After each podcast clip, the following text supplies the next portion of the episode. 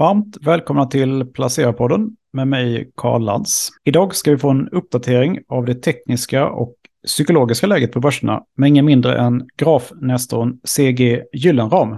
Varmt välkommen CG. Tack så mycket. Senast vi pratades vid i mitten av oktober så befann sig i alla fall svenska börsen på någon form av botten. Eh, och vi har ju fått se en ganska kraftig uppgång. Vilket också var något som du förmodade att vi skulle få se. Nej, men det, det var intressant. Vi, vi stack ju ut huvudet lite grann där min eh, kollega Tony Ugrina som är utomordentligt duktig på statistik och kvantitativa analyser. hade gjort ett, ett antal eh, körningar vid börsen de sista hundra åren. Och när, när, när vi då hade haft en marknad som hade fallit så mycket just under en, en specifik nio månaders period Eh, så kunde vi då se att sannolikheten i den typen av scenario var hög för uppgång. Eh, det var det ena. Vi kunde också se i det läget att det finns en tydlig historik. Det är, ingen slump då att oktober kallas för bear market killer, alltså, eller björndödarmarknaden. Att det brukar ske en vändning upp i oktober. Det vi också kunde se i detta, det var att eh, sentimentet eller känsloläget bland investerare var på extremt negativa faktorer. Och det vanligaste ordet som jag kunde läsa i analyser var ju innan marknaden började få fart lite grann. Jag vet inte hur ofta jag läste det. Jag tyckte det stod i var och varannan eh, mening björnmarknadsrally. Och ju, ju fler det är så att man tittar på lite psykologi och marknadens svängningar. Du vet, det när det nästan fanns en övertygelse om att, att det bara var en, en, en tjuvstart på, på marknaden, högst tillfällig uppgång. Ja, då ökar ju sannolikheten att just precis motsatsen ska inträffa. Och sen har det ju, eh, blev det också att eh, i samband med att det kommit lite positiva inflationssiffror och lite nedåtdrag på räntan så har väl uppgången till och med blivit, vi, vi siktade kanske på 2050 men marknaden kommer då upp ända till 2100. Men nu är då läget lite lurigare. Ja, precis. Vi har, vi har kommit upp en, en rejäl bit. Och hur ser du på börshumöret nu då och läget på marknaderna från den här nivån? Ja, det är väldigt intressant men lite mer svårbedömt. Eh, man skulle psykologiskt i alla fall eh, kunna dela upp marknaden i två eh, ganska klara eller tydliga mm, läger om man vill använda det uttrycket. Och det ena är att om man har kommit in och, eh, och köpt och kommit in lite grann på den här bottennivån så funderar man naturligtvis att ja, är det här läge, är det vinsthemtagningsläge? Ska man vara nöjd med den här uppgången? Ska man skala av? Ska man gå likvid igen? Det, det, det är den ena, du vet, om, om man är inne i marknaden. Sen har vi precis det motsatta, motsatta och det är det vi då kallar för det klassiska uttrycket FOMO. Och det betyder ju bara fear of missing out. Och i och med att björnmarknadsrallyt under ja, den sista månaden har varit ett, ett synnerligen använt ord så är det nog många då som inte har hoppat på det här tåget. Och det de hoppas på det är ju att det verkligen ska visa sig vara ett björnmarknadsrally så att de antingen bara kan fortsätta vara utanför marknaden eller kunna komma in billigare. Och där finns det nog en hel del nervositet för det är ju ett antal aktörer ingen nämnd och ingen glömd som då har varit väldigt tydlig, tydliga med att det här är ingen uppgång att bry sig om. Och det vi ser just nu idag är inget märkvärdigt. Precis nu när vi pratas vid innevarande sekund är börsen då minus 0,48 procent, alltså på storbolagsindex. Så det är en lugn och det verkar vara under låg volym. Att marknaden efter den snabba uppgången i USA skulle få en rekyl, det var nästan naturlagsbundet. Det är ingenting som är naturlagsbundet på börsen, men det var en klassisk överköpt situation. Det innebär att en marknad har stigit eh, för lite väl snabbt, lite väl mycket och hade en, alltså en, en trend som var nästan lodrätt till sin karaktär där. Och det är egentligen eh, en, en sådan snabb uppgång, i varje fall för en marknad som helhet, är i princip ohållbar förutom i, väldigt korta sekvenser. Sen har vi haft ett par dagars nedgång. Det som avgör nu om marknaden är stark, det är om vi nu bara ser en hälsosam rekyl. Och det var lite det, var det hållet som vi uttryckte oss åt i det sista marknadsbrevet. För är marknaden stark, ja då kanske det skulle, det skulle kunna gå ner lite mer härifrån, men det ska börja ta emot. Eh, och, och för vi har kommit upp, om vi tittar på USA eller Tyskland eller Europa eller Sverige, så kan man märka att det är en väldigt bra korrelerad uppgång, men man kan man säga har väl slagit i lite grann, om man ska uttrycka sig tekniskt, den övre delen av trendkanalen. Så att det ska ta emot, att det skulle ta emot här, det var inte en no-brainer, men det var en hög sannolikhet. Och sedan så bevakas nu marknaden intensivt av, av dem, vet, av, av, eh, så det, det, finns två olika väldigt tydliga kategorier. Jag tror att du även idag på marknaden kan få egentligen den åsikt du vill ha, om det är positiv eller negativ. Men när vi tittar på sentimentet och mäter det rent matematiskt så märker man att marknaden har inte blivit positiv. Det är inte så att det har svängt om, den är mindre negativ än, än tidigare. Men det negativa sentimentet, alltså när, när man försöker eh, mäta det på ett matematiskt sätt, är fortfarande övervägande. Och den slutsatsen vi kan dra, dra, dra då över, det är att det fortfarande finns mycket pengar på sidlinjen. Och du vet, sån här lite grann eh, när man då eh, agerar som eh, förvaltare, så ibland så måste man spela lite grann på två planhalvor, tillämpa något som heter lite game theory. Och det är liksom att man att skala hem lite vinster, öka likviditet, men ändå vara kvar på marknaden och ha, ha en tydlig beredskap att gå åt endera hållet.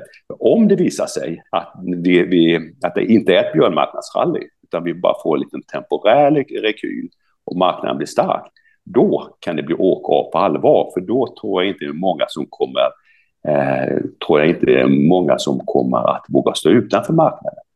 Det är alltså vi, vi har vi har fortfarande en positiv grundsyn, men du får aldrig någonsin ta ett scenario för givet.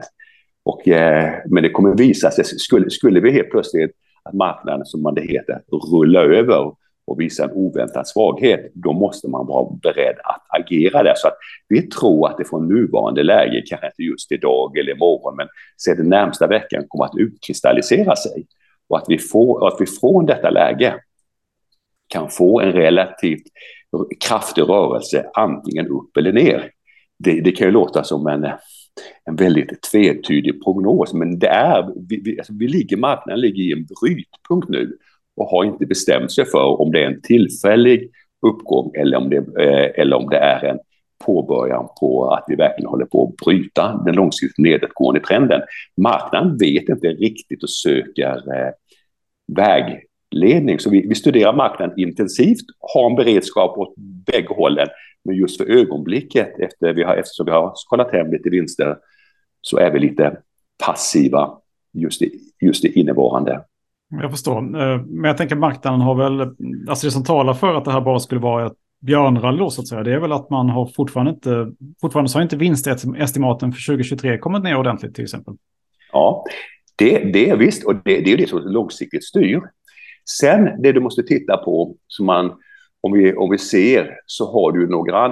Det, det är sant, det, det, det är, så, det är, det är en, en väldigt viktig, för det är, det är vinsterna som styr eh, långsiktigt. Men sen om vi tittar på där marknaden har rört sig eh, i väldigt stark korrelation så är det ju ränteutvecklingen. Eh, och då kan vi se att den amerikanska långräntan för första gången på länge har ju fått sig en väldigt tydlig knäckning.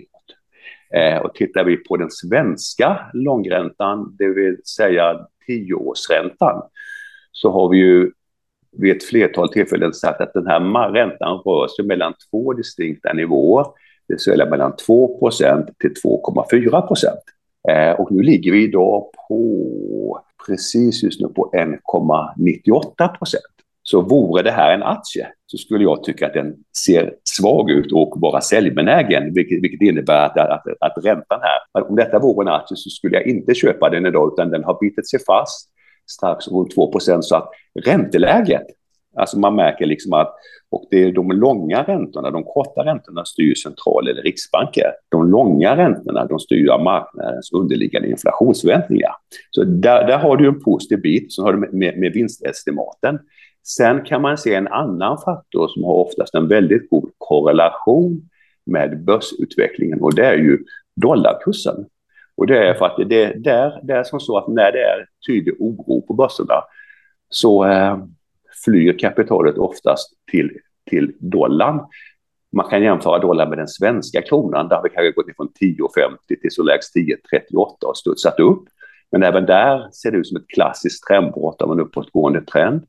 Eh, nu är ju svenska kronan ingen stor valuta, så det är viktigare att se på euron. Och där är det ännu mer distinkt. Alltså den här den, eh, den eh, nedåtrörelsen eller den, den förstärkningen av euron och försvagningen av dollarn som, som vi har sett här, det, det är den, den, det är den största rörelsen under hela året. Så det är så att det ser ut som att ränteuppgången har fått sig en knäck på nedsidan. Dollaruppgången har fått sig en knäck eh, på nedsidan. Men sen är, vet man ju inte hur konjunkturen kommer utveckla sig eller hur det kommer vinstestimaten. Så du kan, du kan argumentera eh, åt bägge hållen. Och, och vad jag då sagt för att vara fortsatt positiva så måste vi se att allt detta korrelerar då. En tredje bit som vi har lyft fram eh, lite grann Observera nu, vi, vi har en positiv grundsyn, men som sagt vi tar aldrig någonting för givet.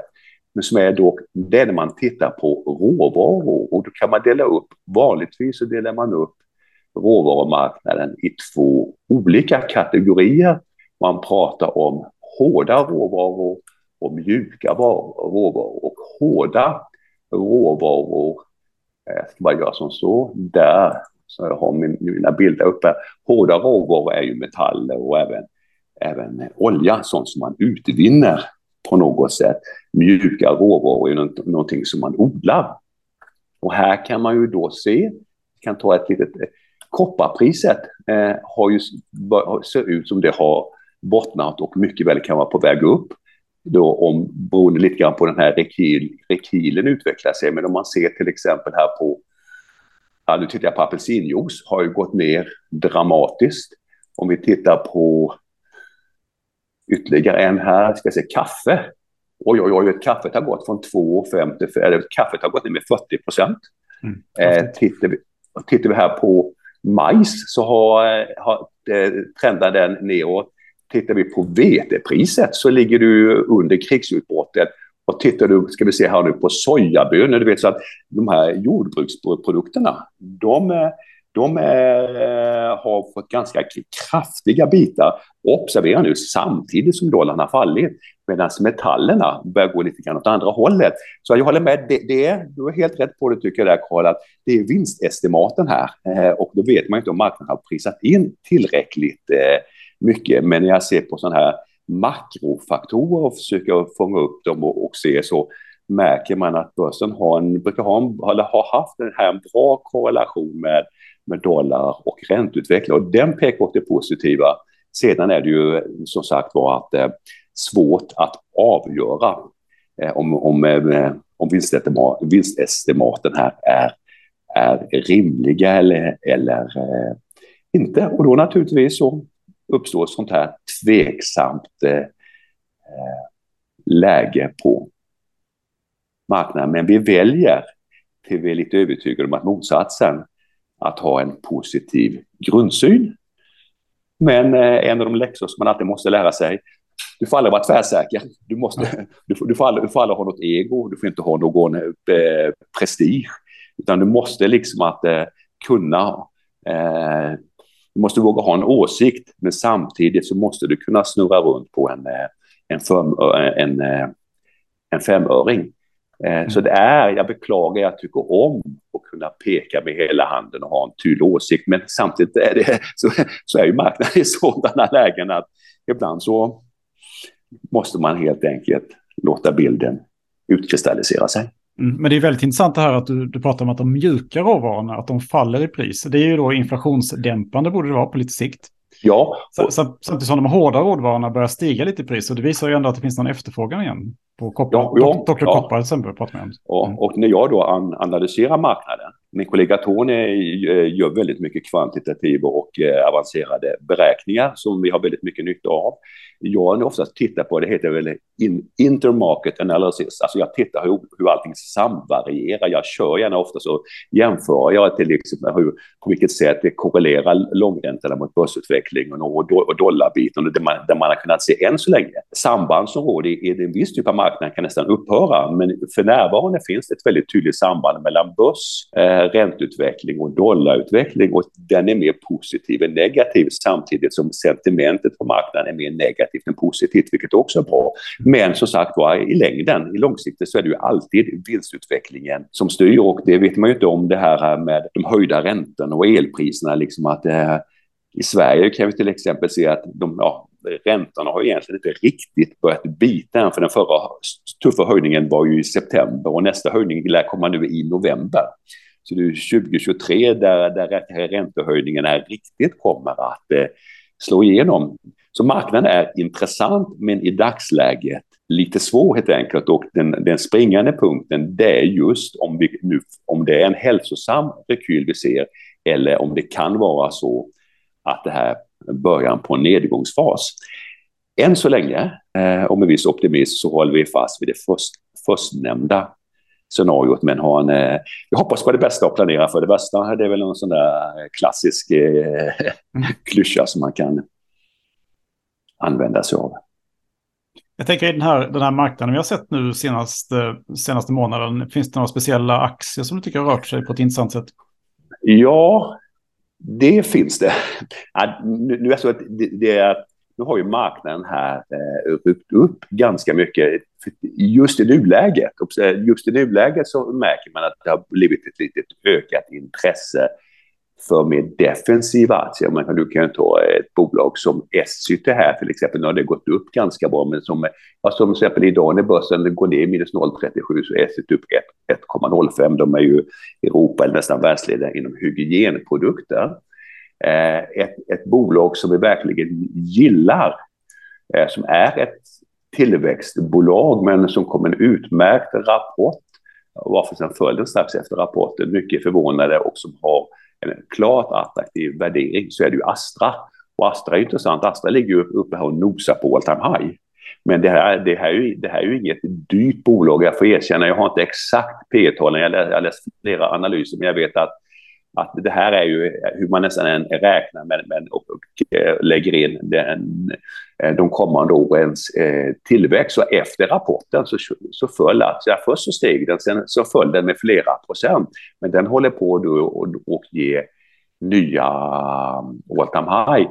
Ett bolag som vi har plockat upp lite grann, och det är inte för att vi egentligen är ett extremt tråkigt bolag där kursen nu ligger på samma nivå som 1998. Oj. Det, ja, det finns tre bolag som gör det. Ericsson befinner sig på en sådan nivå. Mm. Alltså om du köpte aktier för 25 år sedan och sen så har du legat i koma och sen så vaknar du upp och så säger man, Ericsson har inte fått så mycket utdelning. Nej. Ericsson, det, Ericsson är ett sådant exempel. Mm. H&M är ett annat exempel, samma nivå ungefär som 1998.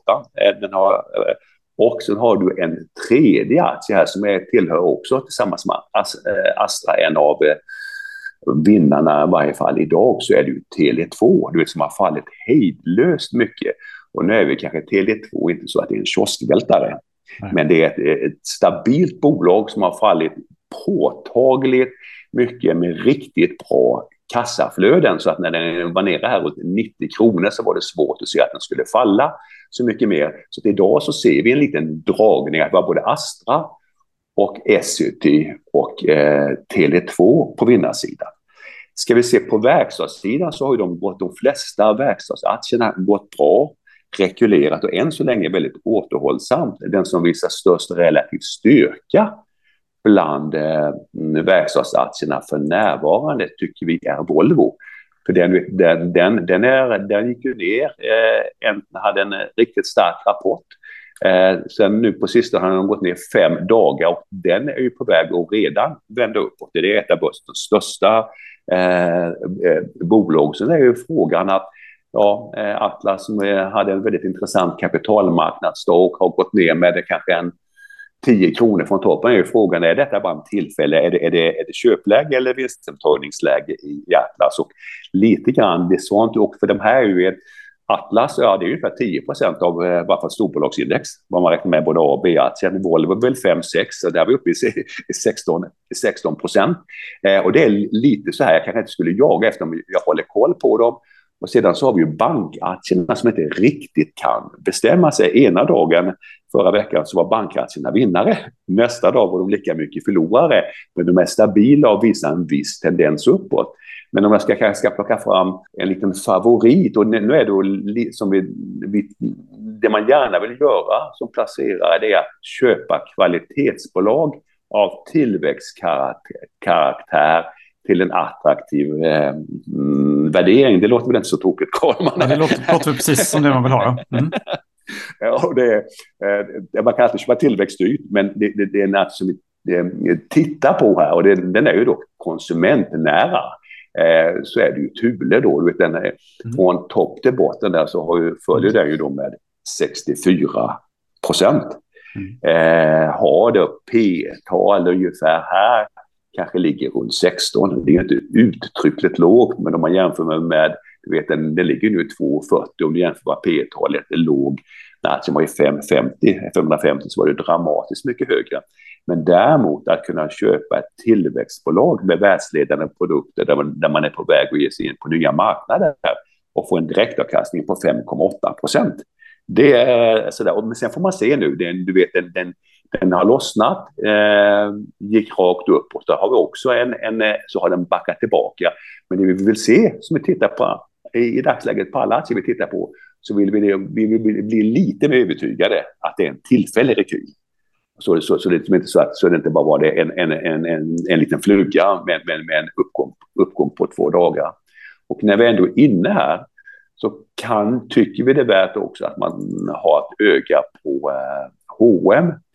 Eh, den har, där har vi, om man går tillbaka och tittar, eh, så ligger den ju så att om du har ägt den aktien i ja, eh, 25 år medan jag har det på tråden här så ska jag för säkerhets skull titta så att det där bottenläget där ska vi se.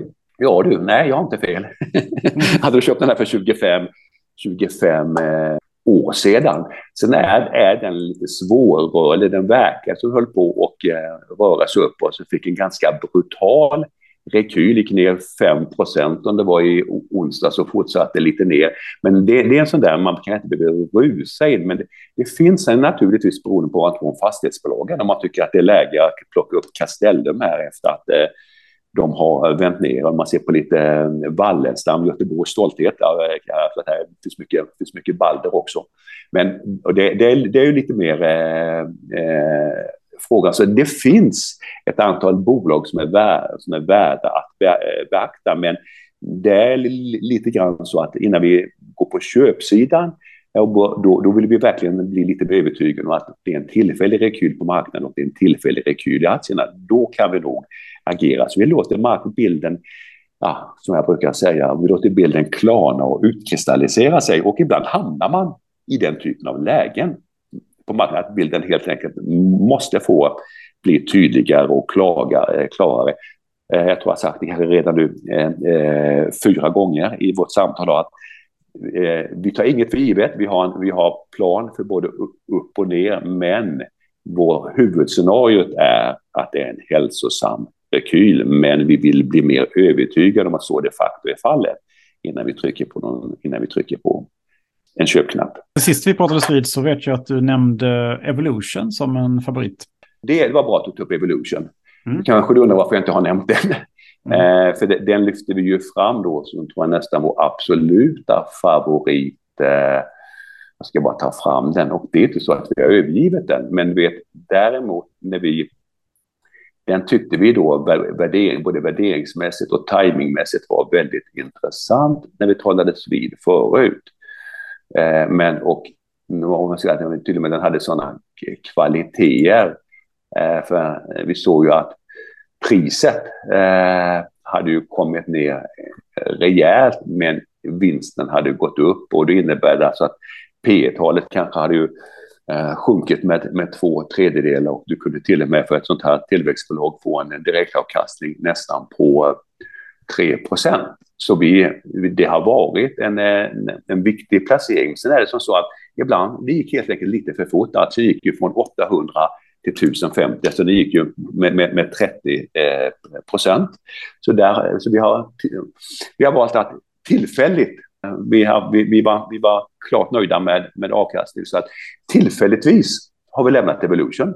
Men skulle med nöje köpa den om, den fick en, om, om, om, om vi fick en eh, om vi fick en, eh, om vi fick en nedsida här och en, och en sväng neråt, kanske mot ja, 9,50 eller något sånt där. Så, så den är högt på listan, men den har, den har, den har tillfälligt fått utgå för även, även eh, för att eh, rapporten infriade förväntningarna, men aktiekursen, vi ska se nu, jag tror att ska se när vi pratades vid här, när vi pratades vid så låg det 900 och sen gick det ut till 1050 då. Va?